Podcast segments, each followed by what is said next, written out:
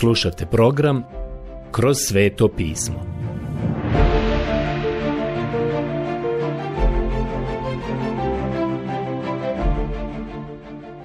Knjiga Evanđelje po Ivanu. Odlomak Evanđelje po Ivanu, poglavlje 2, od 12. stiha do poglavlja 3, 4. stiha. Prijatelji, Prošli smo put obradili onaj događaj kada je gospod pretvorio vodu u vino. I vjerujemo da haljina koju je mladenka nosila nije bila najvažniji dio tog vjenčanja, jer ništa se ni ne govori o haljini ili o mladenki, a siguran sam da je bila tamo negdje. Ono što je najvažnije bilo jeste ovih šest kamenih posuda za vodu, udarenih, okrnjenih i oštećenih. Ne baš lijepih. Naš gospod ih je uzeo prazne, to je način na koji on uzima tebe i mene. On nas spašava kao grešnik. Ništa u rukama ne donosim, samo uz tvoj križ prijanja. On nas puni vodom riječi Božije. On želi tako i onda to izlite. A kada se izlije, postaje vino radosti. To je velika poruka koja se nalazi ovdje, u opisu ovog prvog čuda koje je Isus učinio. Rečeno nam je dalje u 12. stihu. Potom siđe u Kafarnaum sa svojom majkom, s braćom i svojim učenicima. Ondje ostadoše nekoliko dana. Evanđelje po Ivanu 2.12 Ja vjerujem da je to ono vrijeme kada ga njegov rodni grad nije htio prihvatiti. Oni su ga se riješili, sjećate li se toga? Kada je ušao u sinagogu i čitao iz knjige proroka Izaije, a oni su rekli nije li ovo Tesarev sin? I vjerovatno bi ga tada uništili, ali premjestio je svoje sjedište u Kafarnaum. I koliko ja mogu reći, to je i dalje bilo Isusovo sjedište tokom njegove trogodišnje službe. Isus čisti hram u Jerusalemu za vrijeme Pashe. U 13. stihu sad imamo sljedeće. A blizu je bio židovski vaza i uziđe Isus u Jerusalem. Evanđelje po Ivanu, 2.13. Sada imamo još jednu geografsku odrednicu. Započelo je sa kanom Galilejskom. Zatim je spomenut Kafarnaum, a sada je Jerusalem. I rečeno nam je da je Isus otišao gore. Obratite pažnju na to kako Ivan piše o tome. Pasha je hebrejski praznik, nije više gospodnji. Vidite, ovo je hebrejska pasha. Samo religiozna svetkovina koja je sada sasvim besmislena, samo ritual koji treba proći, jer je sada došao onaj o kome pasha govori. Krist je naša pasha za nas prinesena. Dakle, sada je naš gospod otišao u Jerusalem. Ovo je bio početak njegove javne službe. Mislim da je bio tamo svake godine. Svi muškarci su morali ići tri puta godišnje u Jerusalem. Za pashu pedesetnicu i praznik sjenica. Tako je i Isus otišao gore i to je bilo oko 14. aprila. Usmjereni smo na geografiju, ali također i na kalendar. Ovdje vidimo da Isus čisti hram. Učinio je to dva puta, jednom na početku i drugi put na kraju njegove službe. I on u hramu zateče trgovce što su prodavali volove, ovce i golubove i mjenjače što su bili ondje posjedali. Evanđelje po Ivanu 2.14 Prodavali su životinje, golubove i mijenjali su novac. Veoma je zanimljivo da se tamo ne bi prihvatilo ništa drugo osim hramskog novca i ni jedan drugi novac nije mogao da se koristi. Dakle, oni su imali mjesto za zamjenu novca i ti ljudi su zarađivali novac baveći se mjenjačkim poslovima.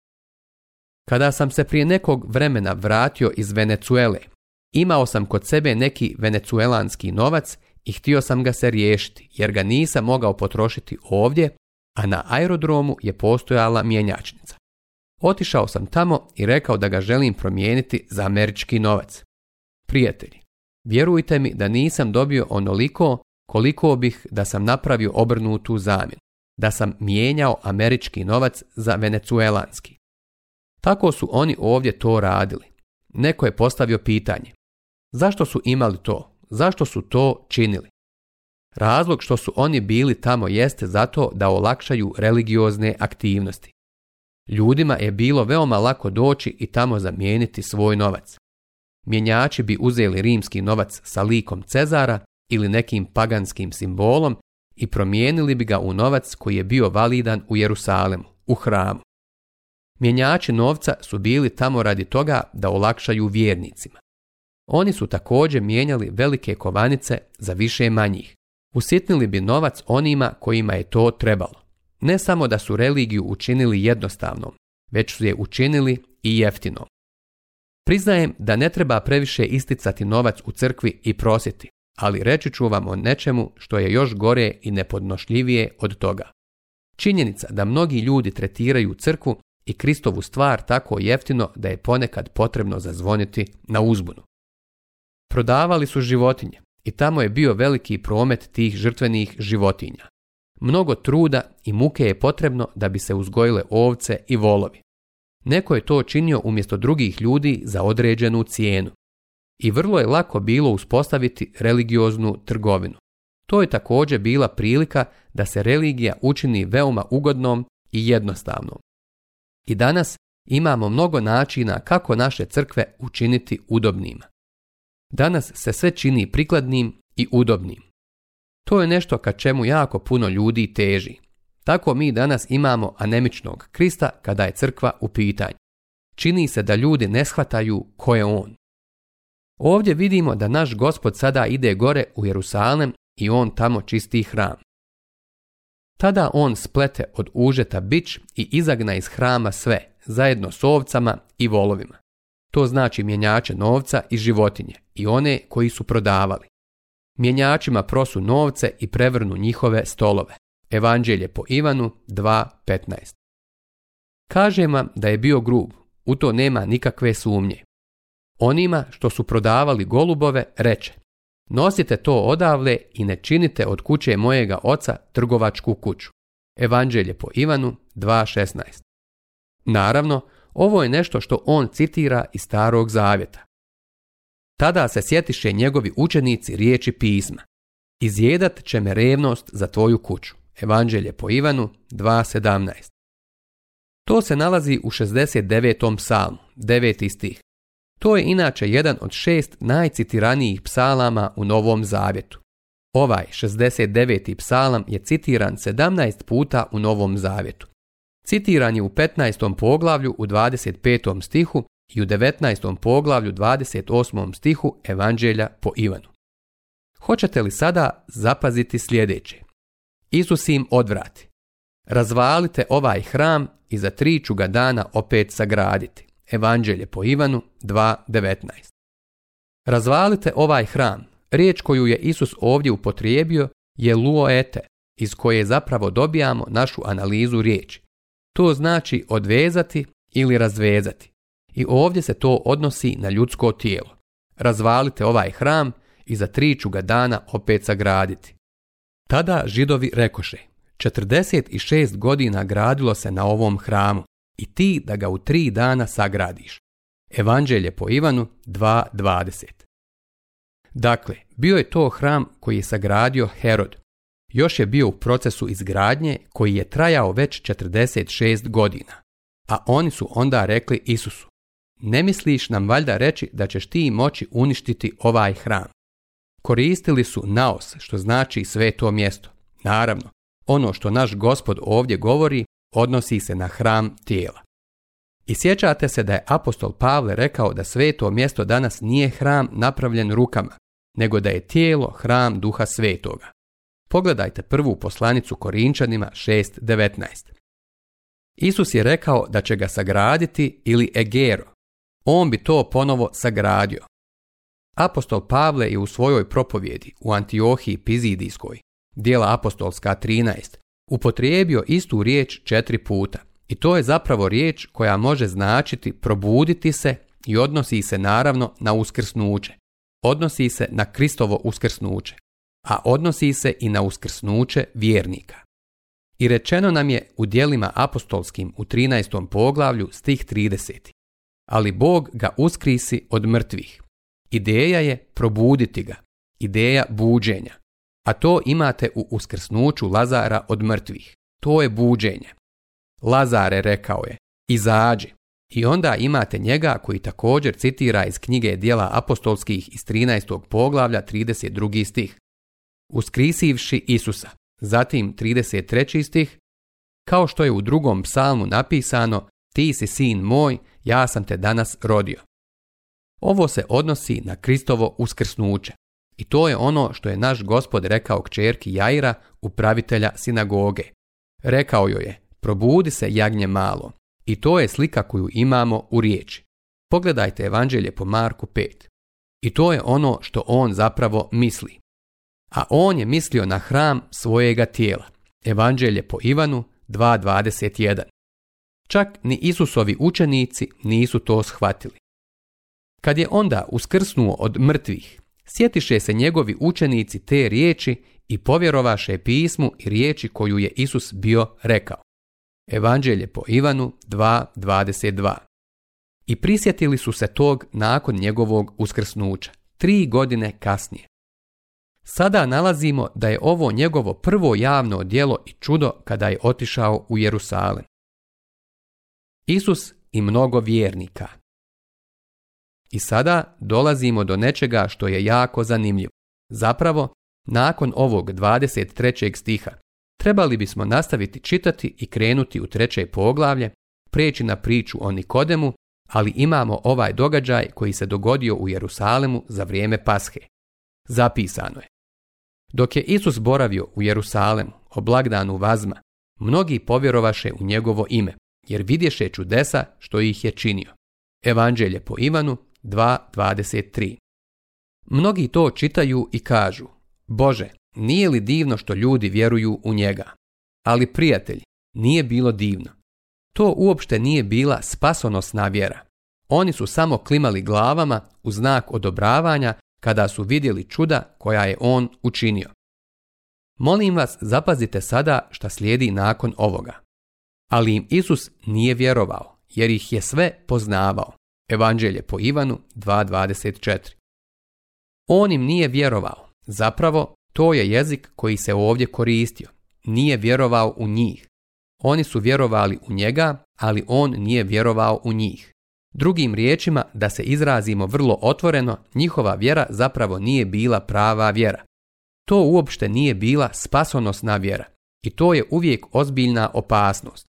To je velika opasnost i danas za sve one koji kažu da vjeruju u Isusa. Šta sada vi mislite kada kažete da vjerujete u Isusa? Hoćete reći da vjerujete u činjenice evanđelja.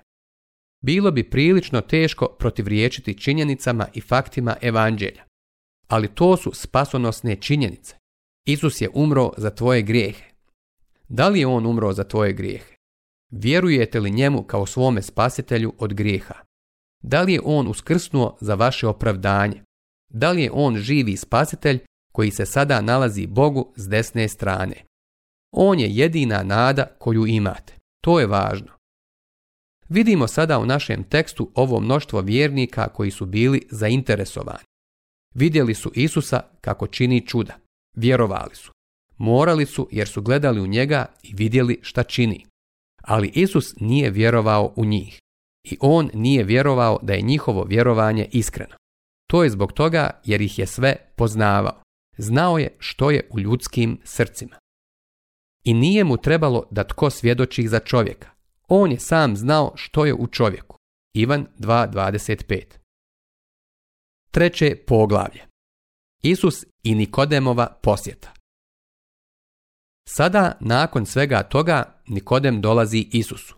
Gospod Isus se nije predao tom mnoštvu ljudi, iako je veliki broj ljudi vjerovao u njega. Ali ovaj čovjek Nikodem došao je k njemu noću i naš gospod je posvetio vrijeme ovom čovjeku. Vjera ovog čovjeka bila je iskrena. Pogledajmo sada taj događaj i dopustite mi da ga zajedno pročitam bez da pravim prekid između dva poglavlja, jer je ovo slučaj kada je podjela na poglavlja napravljena malo nespretno zapisano je sljedeće. Ali im Isus nije vjerovao, jer ih je sve poznavao. I nije mu trebalo da tko svjedoči za čovjeka. On je sam znao što je u čovjeku. Među farizejima bio je i židovski vječnik po imenu Nikodem. Bio je jedan od židovskih prvaka.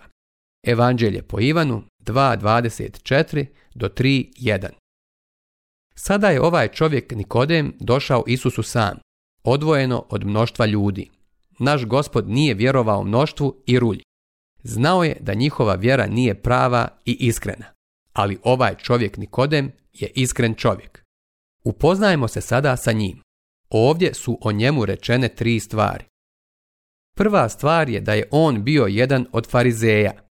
To je značilo da je pripadao najboljoj skupini u Izraelu. Vjerovali su u nadahnuće starog zavjeta. Vjerovali su u dolazak Mesije. Vjerovali su u čuda. Vjerovali su u uskrsnuće. Bio je jedan od farizeja i zvao se Nikodem. Tako se zvao. I on je bio jedan od izraelskih vođa i prvaka. Mislim da su to zapravo tri lica koja je taj čovjek imao. Zapravo, ovo je slika modernog čovjeka. Bio je jedan od farizeja kada bi se sastao sa njima. Bio je u njihovoj sredini i bio je jedan od njih manje više je bio poput njih. Kada bi otišao iz društva farizeja i hodao ulicom, ljudi bi ga vidjeli kako dolazi i onda bi se razmaknuli da mu naprave mjesta da prođe. Kada bi ga vidjeli kako prolazi u svojim haljinama, svojim filakterijama, noseći molitveni šal, oni bi tada rekli, Bože, to je Nikodem, on je izvanredan čovjek. On je jedan od izraelskih vođa, ali je zauzeo sasvim drugačiji stav. Zvao se Nikodem, ali dole ispod ove dvije maske koje je nosio bio je običan mali stari Niki. Danas ima mnogo ljudi koji tako žive. Postoji mnogo takvih ljudi, posebno poslovnih ljudi. Na primjer, on je službenik u nekoj velikoj korporaciji. Dolazi svako jutro na posao i ljudi u kancelariji razgovaraju sa njim. Obraćaju mu se sa gospodine, klanjaju mu se i dodvoravaju mu se ali ga zapravo ne poznaju. Misle da ga poznaju, ali ga ne poznaju. On onda napušta svoju kancelariju jer je vjerovatno imao već nekoliko stranaka tog jutra. Ti ljudi ga pitaju za posao i on im kaže posao je odličan. Zatim u podne odlazi u svoj klub na ručak. Čim uđe u klub, on je drugi čovjek. On nije gospodin taj i taj, predsjednik korporacije, već je on sada onaj stari, obični Bill Jones ili John Smith sa kojima igraju golf, a poznaju ga i zovu ga po imenu. I on sam zauzima drugačiji stav i drugačiji odnos prema njima. Pitaju ga o poslu, a on im kaže, posao je odličan. A onda navečer, kada je sav posao gotov, on ide kući, otvara vrata svoje kuće, ulazi, skida sako i sjeda u fotelju. I on je u svojoj kući drugačiji čovjek, zapravo sasvim drugačiji čovjek. Njegova žena ulazi i gleda ga dok on tu sjedi potišten. Skinuo je obe maske koje nosi preko dana. On više nije biznismen, šef korporacije i više nije jedan od kolega u klubu. On je običan, mali, kogod da jeste. Običan, mali, stari Niki. I njegova žena ulazi i kaže mu, šta je bilo bili, problemi na poslu, a on kaže, sve je trulo i pokvareno. To je zapravo on. Ovaj čovjek Nikodem došao je gospodu Isusu sa maskom na sebi. Došao mu je i rekao, Rabi, mi znamo. Koji to mi? Vjerovatno misli mi farizeji. On dolazi Isusu kao jedan od farizeja. Nosi tu masku. On dođe noću k njemu i reče mu, Rabi, znamo da si ti učitelj koji je došao od Boga, jer nitko ne može činiti čudesa što ih ti činiš, osim ako nije Bog s njim. Evanđelje po Ivanu 3.2. Usput govoreći, dolazi sa iskrenim komplimentom. On nije licemir. Rekao je, mi farizeji smo se okupili, razgovarali i znamo da si ti učitelj koji je došao od Boga. Mislim da je došao Isusu da razgovaraju o Božijem kraljevstvu. Farizeji su htjeli uspostaviti Božje kraljevstvo, i zbaciti rimski jaram. Oni nisu imali načina da to učine, ali evo dolazi jedan koji je toliko popularan. Mnoštvo ljudi ga sada slijedi. Žele poći za njim i prikačiti se za njega i iskoristiti ga. Smatraju da je on došao iz Galileje, ali da ne zna kako se nositi sa tim političarima iz Rima, a oni znaju kako to činiti. Tako sada Nikodem dolazi na snishodljiv način i kaže Rabi, znamo da si ti učitelj koji je došao od Boga jer nitko ne može činiti čudesa što ih ti činiš, osim ako nije Bog s njim. Morao je prepoznati čuda. Prijatelji, tada nisu sumnjali u čuda našeg gospoda. Za tako nešto danas morate biti profesor teologije 2000 godina kasnije i nekoliko hiljada kilometara udaljen od mjesta gdje se to dogodilo. Ali kada biste se vratili tamo, ne biste poricali čuda. Molim vas da sada zapazite sljedeće. Isus mu odvrati. Zaista, zaista kažem ti, ako se tko ne rodi ponovno, ne može vidjeti Božijega kraljevstva. Evanđelje po Ivanu 3.3 Ja mislim da je razlog što je Nikodem došao Isusu bilo to da razgovaraju o Božijem kraljevstvu. Ne vidim drugog razloga zašto bi naš gospod to spominjao. Drugim riječima, naš gospod gotovo naglo prekida Nikodema i upada mu u riječ te mu kaže – Stvari u tome da ti ne možeš ni vidjeti Božje kraljevstvo ako nisi nanovo rođen. Ovdje imamo čovjeka koji je religiozan od glave do pete i on je farizej, a ipak mu je naš gospod rekao sljedeće riječi. Nećeš moći ni vidjeti Božje kraljevstvo ako se nanovo ne rodiš. Koliko bi to bilo važno za njega da se nanovo rodi? Pročitat ćemo sada četvrti stih. Nikodem ga upita, kako se može čovjek roditi ponovno, kad je već star? Može li po drugi put ući u utrobu svoje majke i opet se roditi? Evanđelje po Ivanu 3.4 Naš gospod mu je rekao da se rodi nanovo, anoten, da se rodi od ozgo, a ovaj čovjek Nikodem ne može zamisliti bilo šta drugo osim fizičkog rođenja. I kao što vidite, odmah mu spada maska koju je nosio. Jedan od farizeja snishodljiv prema Isusu i on je učitelj i prvak u Izraelu. On kaže, kako se može čovjek roditi ponovo kad je već star? Zašto je rekao meni kao nekome koje je u godinama i koje je učitelj u Izraelu? Meni nisu poznate takve stvari. Da je tako nešto moguće, znao bih već za to. I onda ističe kako je to smiješno. Može li po drugi put ući u utrobu svoje majke i opet se roditi? Zanimljivo je da naš gospod uopšte nije govorio o fizičkom rođenju, ali Nikodem, vidite, uopšte nije mogao razmišljati o duhovnom rođenju. Ovaj čovjek nije imao duhovne sposobnosti da to shvati i prihvati. Isus odgovori, zaista, zaista kažem ti, ako se tko ne preporodi vodom i duhom, ne može ući u Božje kraljevstvo. Evanđelje po Ivanu 3.5 Danas nemam vremena ulaziti u to. Ali što znači biti rođen od vode? A šta od duha? U redu. Ostavimo to za sljedeći put, pa ćemo tada razgovarati o tome. Ljubljeni moji, neka vas Bog dotada bogato blagoslovi.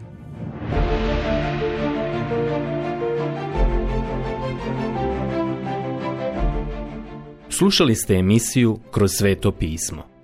Možete nas slušati i na našem YouTube kanalu putem mobilne aplikacije, te na svim glavnim podcast platformama kao što su Google, Apple i Spotify. Ako vam se naši programi dopadaju, preporučite ih i podijelite s drugima. Budite slobodni da ostavite svoj komentar ili nam pišite na našu e-mail adresu kroz svetopismo.bih at gmail.com Zapratite našu stranicu kroz sveto pismo BiH na Facebooku, i na Instagramu. Emisije iz ove serije možete pronaći na našoj stranici ttb.twr.org.